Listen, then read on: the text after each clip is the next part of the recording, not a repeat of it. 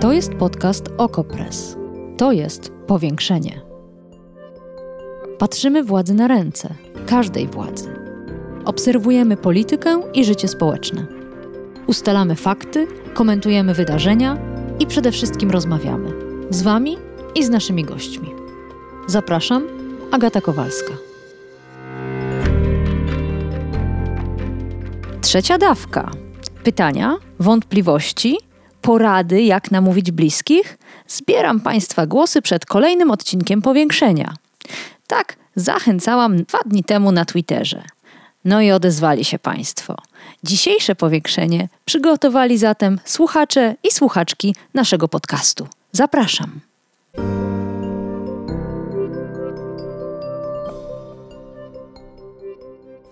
A naszym gościem jest Miła Darendrysik, dziennikarka Okopres, która od początku pandemii niezmordowanie odpowiada na Państwa pytania, ale też na pytania nasze, dziennikarzy Okopres. Mam wrażenie, że często kilkukrotnie na te same. Dzień dobry.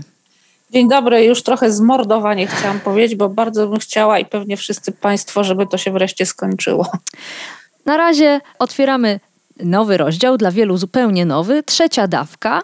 I od razu zacytuję panią Albinę, która wprawdzie nie zadaje pytania, ale dzieli się komentarzem. Napisała e, pani Albina tak.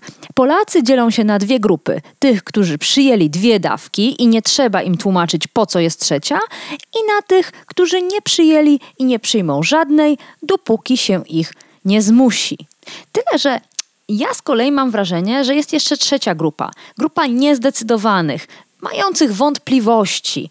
I do tej grupy chciałabym skierować dzisiejszą rozmowę. Zacznijmy więc od podstaw. Dlaczego konieczna jest trzecia dawka? Czy po niej nastąpi czwarta dawka, piąta dawka i zasadniczo dożywotnio będziemy szczepić się przeciw COVID?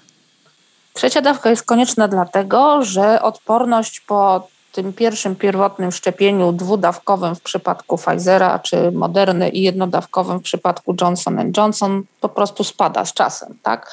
To nie jest nic dziwnego, jeżeli Państwo pamiętają swoje szczepienia z dzieciństwa albo szczepili swoje dzieci, to wiedzą Państwo, że dawki przypominające po prostu są, tak? W niektórych przypadkach jest to nawet pięć dawek, zanim ta odporność się tak ugruntuje na, na naprawdę dłuższy, na dłuższy czas. Więc to jest nic dziwnego.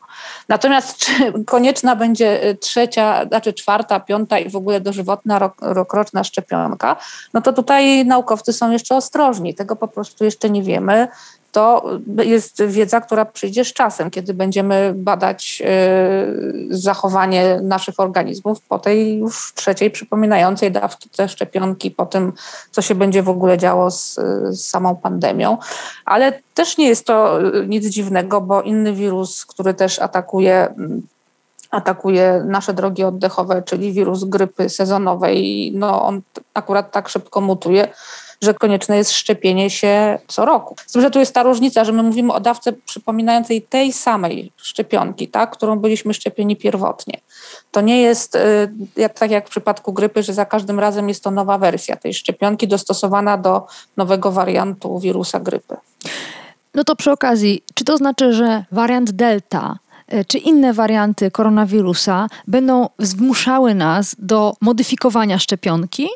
Jest to możliwe. Tego jeszcze nie mhm. wiemy. Tego się oczywiście naukowcy bardzo boją, dlatego cały czas jest to sekwencjonowanie mm, kolejnych wariantów wirusa i potem oznaczanie jako, ich jako wariant budzący zainteresowanie i potem wariant, który budzi niepokój, bo tak może być, tak? To jest jeszcze ciągle niewykluczone, że tak się stanie, mhm. ale to znowu jest za wcześnie, żeby, żeby coś powiedzieć na pewno na 100%.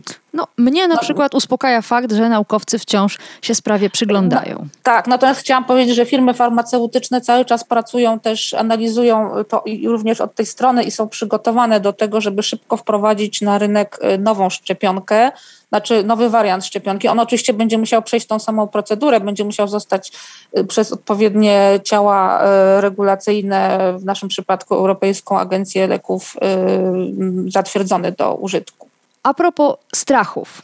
Pan Radek pyta, czy odnawianie szczepienia, ta dawka przypominająca, zwielokrotnia ryzyko powikłań? No nie, raczej nie zwielokrotnia, dlatego że powikłania absolutnie w lwiej części występują bardzo szybko po, po podaniu szczepionki. Tak? To mówimy głównie o pierwszych dwóch tygodniach po podaniu szczepionki, więc, więc, więc nie można mówić o zwielokrotnieniu, ewentualnie o powtórzeniu. I tutaj już mamy dużo danych z, z przede wszystkim ze Stanów Zjednoczonych i z Izraela, które najszybciej tą dawkę przypominającą zaczęły, zaczęły podawać. No i wynika z tego, że nie ma tutaj dużej różnicy, to znaczy jest taki sam układ i proporcje y, efektów ubocznych, jak były poprzednio, mm -hmm, tak? Czyli, mm -hmm. czyli w większości, absolutnej większości są to bardzo łagodne, typu właśnie y, nie wiem, ból w miejscu wkłucia, prawda, ogólne jakieś rozbicie, złe samopoczucie i bardzo mało, bardzo małe są to odsetki tych naprawdę poważnych efektów. A no właśnie, a propos e, niewielkich odsetków. Pani Liliana, czy nadużyciem byłoby powiedzenie, że na polskich cmentarzach leżą ofiary szczepień przeciw COVID? E, przede wszystkim na polskich cmentarzach leży, y, no ja już szacuję, że już ponad 100 tysięcy y, ofiar COVID a prawdopodobnie jeżeli ktoś potem to porządnie przebada i, i, i, zobaczymy, ile y, z tych nadmiarowych zgonów to były ofiary również COVID, no to może być grubo ponad 100. Rozumiem, że liczysz to ponad te oficjalne dane. Tak, przede wszystkim liczę to, że y, mamy już na przykład dane z Głównego Urzędu Statystycznego za 2020 rok, z których wynika, że było 12 tysięcy zgonów na COVID, y, więcej niż podawano tak z dnia na dzień w tych komunikatach Ministerstwa Zdrowia. A to zapewne wynika z tego, że po prostu, zwłaszcza w tych falach takich najgorszych, jak jesienna fala 2020 roku, no lekarze nie nadążyli z y, przekazywaniem tych wszystkich danych o zmarłych do, do Ministerstwa Zdrowia. Mhm. Więc to po pierwsze. No a po drugie mamy bardzo już dokładne dane o zgonach nadmiarowych, bo to się liczy. No, no wiemy, wiemy, ile osób zmarło w Polsce i porównujemy to do średniej z ostatnich y, pięciu lat. To jest y, taka tak, w taki sposób to się liczy w, metodzie Eurostatu na przykład. No i wtedy widać, ile jest tych nadmiarowych zgonów, tak? I u nas to już jest, yy, to już są naprawdę ogromne liczby. Jesteśmy tutaj niestety w jak bardzo niechlubnej czołówce światowej też. Ale wróćmy tak, do tego pytania mhm. pani Liliany. Co z tymi tak, no ofiarami no szczepień? Czy wiemy o takich przypadkach? Dokładnie. No więc o ile wiem, to nie wiemy w takim sensie, że zostało to, y, ten, ten przypadek został zbadany, została potwierdzona korelacja, y, nie tylko korelacja, ale właśnie związek przyczynowo-skutkowy pomiędzy szczepieniem a potem zgonem. Dlaczego tak się dzieje? Dlatego, że po pierwsze, niestety nie mamy ciągle tego, co rząd obiecywał od początku, czyli mm, Y, czyli nie mamy funduszu kompensacyjnego, który by kompensował straty, y, uszczerbek na zdrowiu y, osobom, które się zaszczepiły, potem miały efekty uboczne. Zresztą nawet źle mówię, bo w tym funduszu kompensacyjnym nie było, mm, nie było nawet w ogóle takiego przypadku jak zgon. No i, ale no i tak to wszystko utknęło w, w Sejmie z powodu sprzeciwu antyszczepionkowców, to jest jakby inna historia. Więc tak naprawdę to potrzebowalibyśmy tutaj może wyroku sądu, tak, opartego na, mm, na opiniach biegłych, że rzeczywiście szczepionka spowodowała zgon. Wiemy z analiz, które naprawdę się bez przerwy ciągle przeprowadza na całym świecie efektów ubocznych szczepionek, no, że rzeczywiście zdarzały się zgony po szczepionce. Na przykład AstraZeneca powodowała takie rzadkie incydenty zatory. Mhm. Tak, prawda? No właśnie. I, ale mówię, no to są y, naprawdę ułamki promili. To mówimy o kilkudziesięciu osobach, może teraz już nawet to ma i trzy zera. Na świecie. Ale, tak, tak, ale mówimy o miliardach, y, o miliardach y, szczepień na całym świecie. Ja dawno nie sprawdzałam. Ostatnio jak sprawdzałam, to było chyba 5 miliardów szczepień, teraz pewnie jest już ich o wiele więcej. Więc to to absolutnie w porównaniu z innymi lekami, które stosujemy na co dzień, typu paracetamol, te na przykład, te efekty uboczne są znikome. Znaczy, y, świat naukowy jest po prostu zachwycony y, tym, jak bezpieczne są te szczepionki. Niestety jest to oczywiście no, bardzo bolesne dla osób, które trafiły i dla rodzin osób, które trafiły w ten nieszczęsne, te nieszczęsne ułamki promila i też państwo polskie powinno wszystko zrobić, żeby takie osoby dostały zadośćuczynienie. Mhm. Ale na pewno mówimy o, nie mówimy o, nieporównywalne są liczby ofiar COVID i liczby ofiar, y, ewentualnych ofiar szczepionek. Albo paracetamolu. Pani Maria, czy warto sprawdzić przeciwciała przed trzecią dawką i dopiero wtedy się na nią zdecydować, jeśli bardzo spadły? I tu współgra to z innym pytaniem, czy trzecia dawka może zaszkodzić lub być po prostu zmarnowana, jeśli przeciwciała po szczepieniu są wciąż wysokie? No to jest bardzo złożona sprawa, znaczy w ogóle z naszą odpornością i tutaj lekarze absolutnie nie zalecają tego badania, ponieważ sama informacja o tym, jak, y, o ilości przeciwciał wcale nie tłumaczę tak na, ostatecznie, czy jesteśmy odporni, czy nie, tak, bo są dwie, jak wiemy, są te dwie rodzaje odporności, tak, odporność humoralna, czyli właśnie te przeciwciała, które y, w, organizmie y, są i można je łatwo zbadać. No jest odporność komórkowa, tak, która jest y, na poziomie komórek i ona się uaktywnia w momencie, kiedy jakiś patogen trafia do organizmu, ale to się o wiele trudniej bada i te badania, one są też prowadzone, są nie, za, nie są tak zaawansowane jak mhm. jak, jak badania przeciwciał. Dlatego tak naprawdę to nam niewiele powie, więc y, po prostu najlepiej no, wziąć za dobrą monetę te analizy, które były przeprowadzone naprawdę na setkach tysięcy osób już teraz, które pokazały, że odporność po pół roku spada do, takiej, y, do takiego poziomu, że warto przyjąć dawkę przypominającą. Czyli trzymajmy się tego półrocza, tak. nie kombinujmy. Y, mhm. Pani Katarzyna, kiedy dzieci w wieku powyżej 12 lat będą mogły przyjąć w Polsce trzecią dawkę, bo teraz chyba nie mogą? No to jest pytanie do, do, do Ministerstwa Zdrowia tak? i odpowiednich organów y, regulujących. Ja, jak rozumiem, jeszcze Europejska Agencja Leków tego nie, mm, nie zatwierdziła również. To jest jakby ten pierwszy krok. Ale też pamiętajmy, że dzieci no, najpóźniej z nas wszystkich przyjęły, y, przyjęły tą y, drugą dawkę. No, czyli nie minęło prawda? jeszcze pół roku. Absolutnie mhm. nie. No, mhm. dopiero teraz my się zaczynamy szczepić tak, y, tą trzecią dawką. Osoby, które tam trafiły w ten prima aprilis Michała Dworczyka w zeszłym roku, a są młodsze, nawet mają 4, ponad 40 lat, już się mogą szczepić na przykład, ale jeszcze wielu 50-latków nie dostało skierowania na przykład ja, więc no, jeszcze jest czas i myślę, że... Młodzież że... musi poczekać. Tak, no a to oczywiście też zależy od badań, tak? Znaczy najpierw się bada, yy, najpierw się bada, jak reaguje dana kohorta, dana grupa wiekowa na szczepionkę, a potem się wydaje rekomendacje. A ponieważ właśnie te szczepienia były takimi yy, transzami od najstarszych do najmłodszych, to trzeba poczekać na to, żeby wiedzieć, czy szczepionka będzie przydatna dla tych najmłodszych. Pan Bartek, Zaszczepiłem się w kwietniu szczepionką AstraZeneca. Drugą dawkę miałem w czerwcu. Czy i kiedy mogę zgłosić się po trzecią, a przede wszystkim, czy mogę zmiksować AstraZenekę z Pfizerem lub Moderną?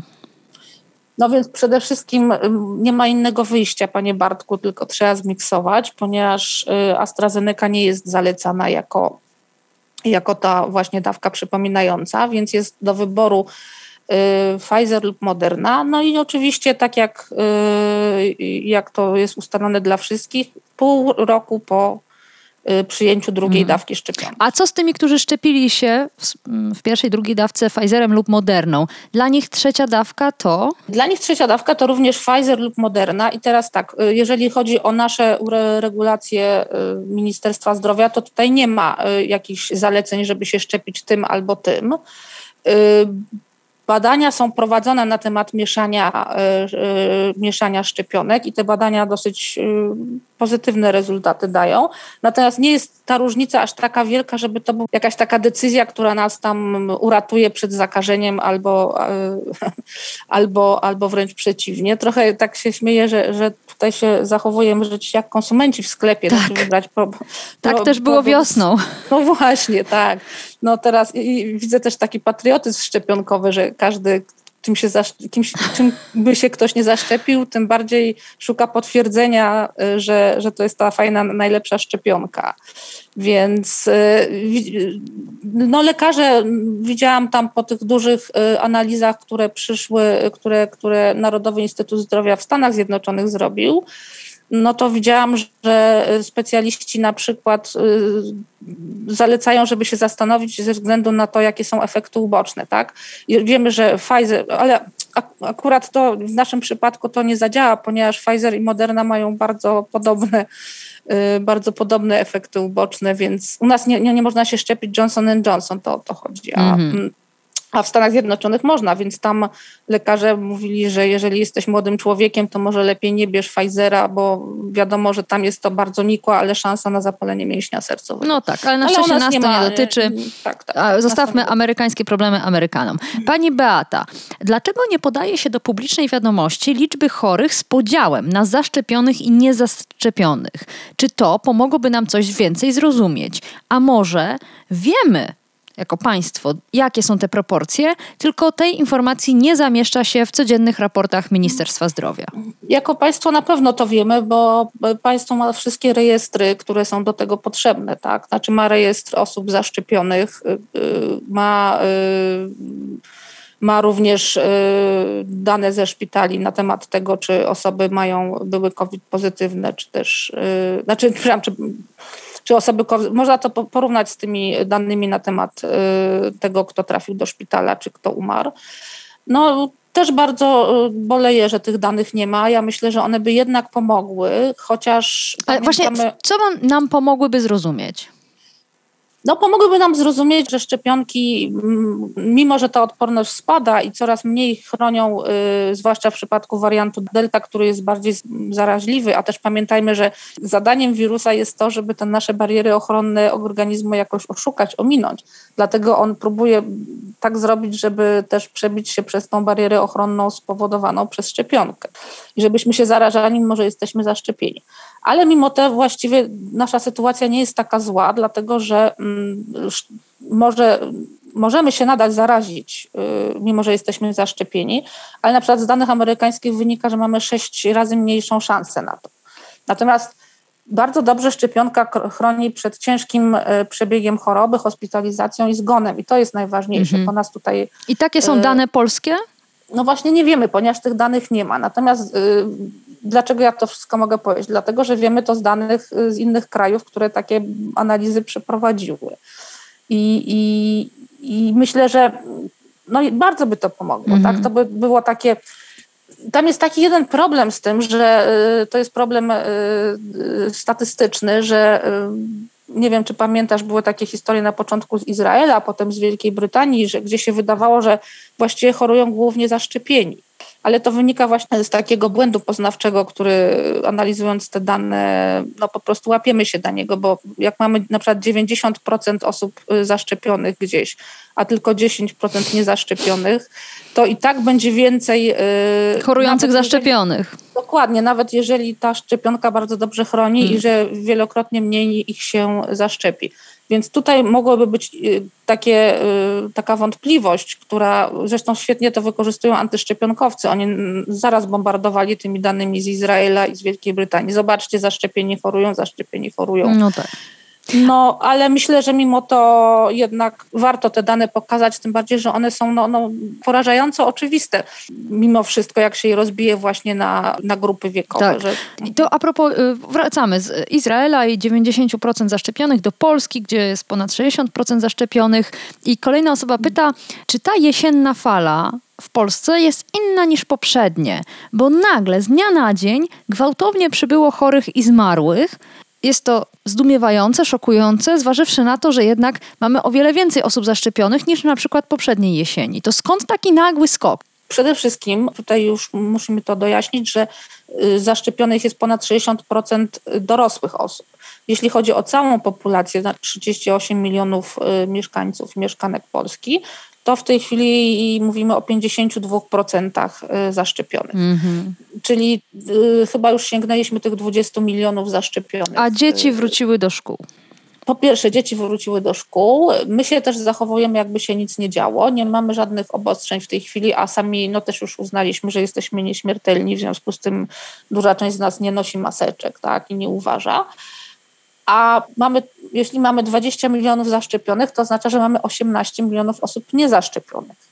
No i teraz wirus, ja go trochę zantropomorfizuję, mhm. przepraszam, i zrobię z niego takiego wrednego stworka on po prostu się strasznie cieszy, bo ma tak dużą populację osób, która w większości prawdopodobnie jest, jak to się ładnie mówi, immunologicznie naiwna czyli nawet nie miała, nie, nie przyszła zakażenia, tak? Nie ma żadnych przeciwciał, nie ma żadnej obrony przeciwko koronawirusowi. No więc co ten wirus zrobi? On się oczywiście na nich rzuci, na nich się skoncentruje, a ponieważ delta jest o wiele bardziej, wielokrotnie bardziej zaraźliwa niż poprzednie warianty, no to po prostu zrobi tam e, Armagedon. Przepraszam za takie brutalne już wyrażenie, ale no tak niestety będzie.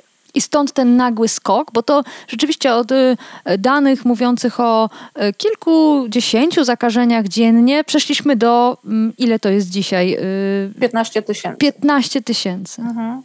Ta fala się rozwija rzeczywiście wolniej niż ta poprzednia jesienna, Y, na wschodzie Polski, na ścianie wschodniej w województwie lubelskim, przede wszystkim podlackim, a teraz, teraz już idzie, y, idzie w Polskę, tak? Już, już Mazowieckie y, tam przekroczyło te powiedzmy stany alarmowe i, i no tak jak z poprzednimi falami to będzie szło, szło na zachód, aż, aż cała Polska mm, cała Polska się w zasięgu tej fali znajdzie, a ponieważ tutaj naprawdę jedna osoba może zarazić kilka osób, to dlatego też te wzrosty są tak.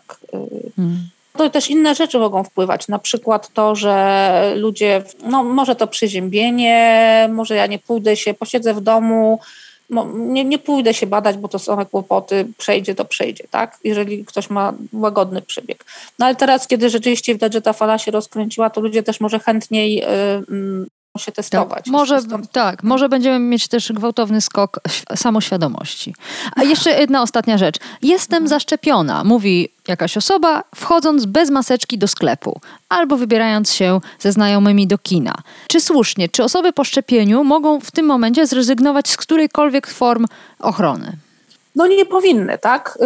Y, ja przepraszam, że ciągle właśnie zamiast o Polsce to mówię o jakichś Stanach Zjednoczonych albo i o Izraelu, ale to dlatego, że po prostu to są kraje, które wcześniej zaczęły proces szczepień, to po pierwsze, a po drugie gromadzą bardzo dokładne dane i je świetnie analizują, a my jesteśmy wiesz, tabula rasa, znaczy po prostu w ogóle się jeżeli są przeprowadzone jakieś y, analizy, to, to, to w bardzo skąpym y, zakresie i też mm, nie są one komunikowane opinii publicznej. Ale właśnie tak było i w Izraelu, i w Stanach Zjednoczonych, że najpierw w Stanach Zjednoczonych to mm, niezaszczepieni na początku nie mieli nosić maseczek, ale jak przyszły nowe dane, no to nakazano, zarekomendowano je znowu. Mhm. W Izraelu zniesiono w ogóle wszystkie y, obostrzenia i potem je wprowadzono znowu. Jak mówiłam, y, osoba, która mm, jest zaszczepiona, ma znowu dane amerykańskie, bo polskich nie mamy, sześć razy mniejszą szansę, żeby się zarazić na nowo.